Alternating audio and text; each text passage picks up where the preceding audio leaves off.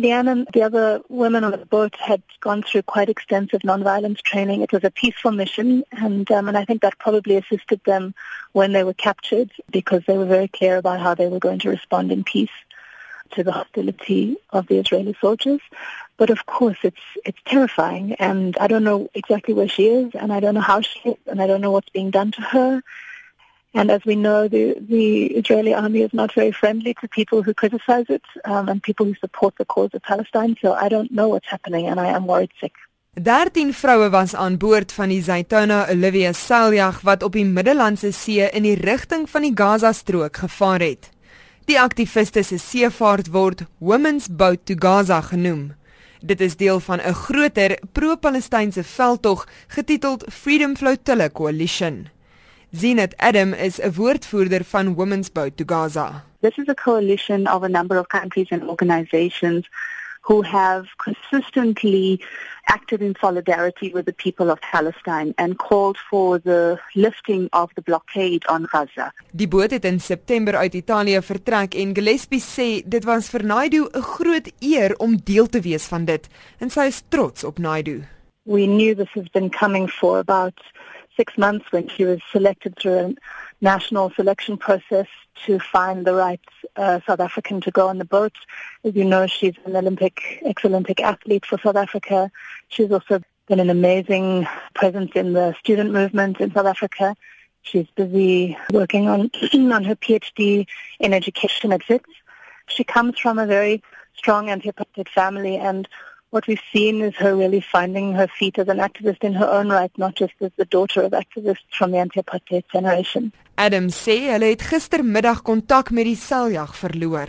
Around 4 o'clock yesterday afternoon, we lost complete contact with them. We want to emphasize that these women were unarmed, the 13 women. Daar is in vorige jare soortgelyke seevaarte aangepak, maar dit is die eerste keer dat dit net vroue op die boot is. In 2010 het so 'n seevaart egter 'n tragiese einde gehad, aldus Adams. Been in 2010 when a ship called the Mavi Mamra was boarded by the Israeli Defense Force in a very brutal manner and uh, in which 10 people were killed. Sy sê Women's Boat to Gaza was ten doel om 'n boodskap van hoop te stuur aan vroue wat slagoffers is van die konflik in die Gaza-strook. Die Verenigde Nasies het al versoek dat die blokkade van die Gaza-strook gestaak word omdat die toestande by die dag slegter word. Adam sê, die toestande is haglik. In an occupation that doesn't allow for people to have their basic needs, particularly since the blockade on Gaza is fast resulting in Gaza becoming probably the most uninhabitable space in the world as per the United Nations. And this was one of the reasons why we thought a women's only boat would send a very powerful, strong message of the spirit of women and it would also send a message of hope.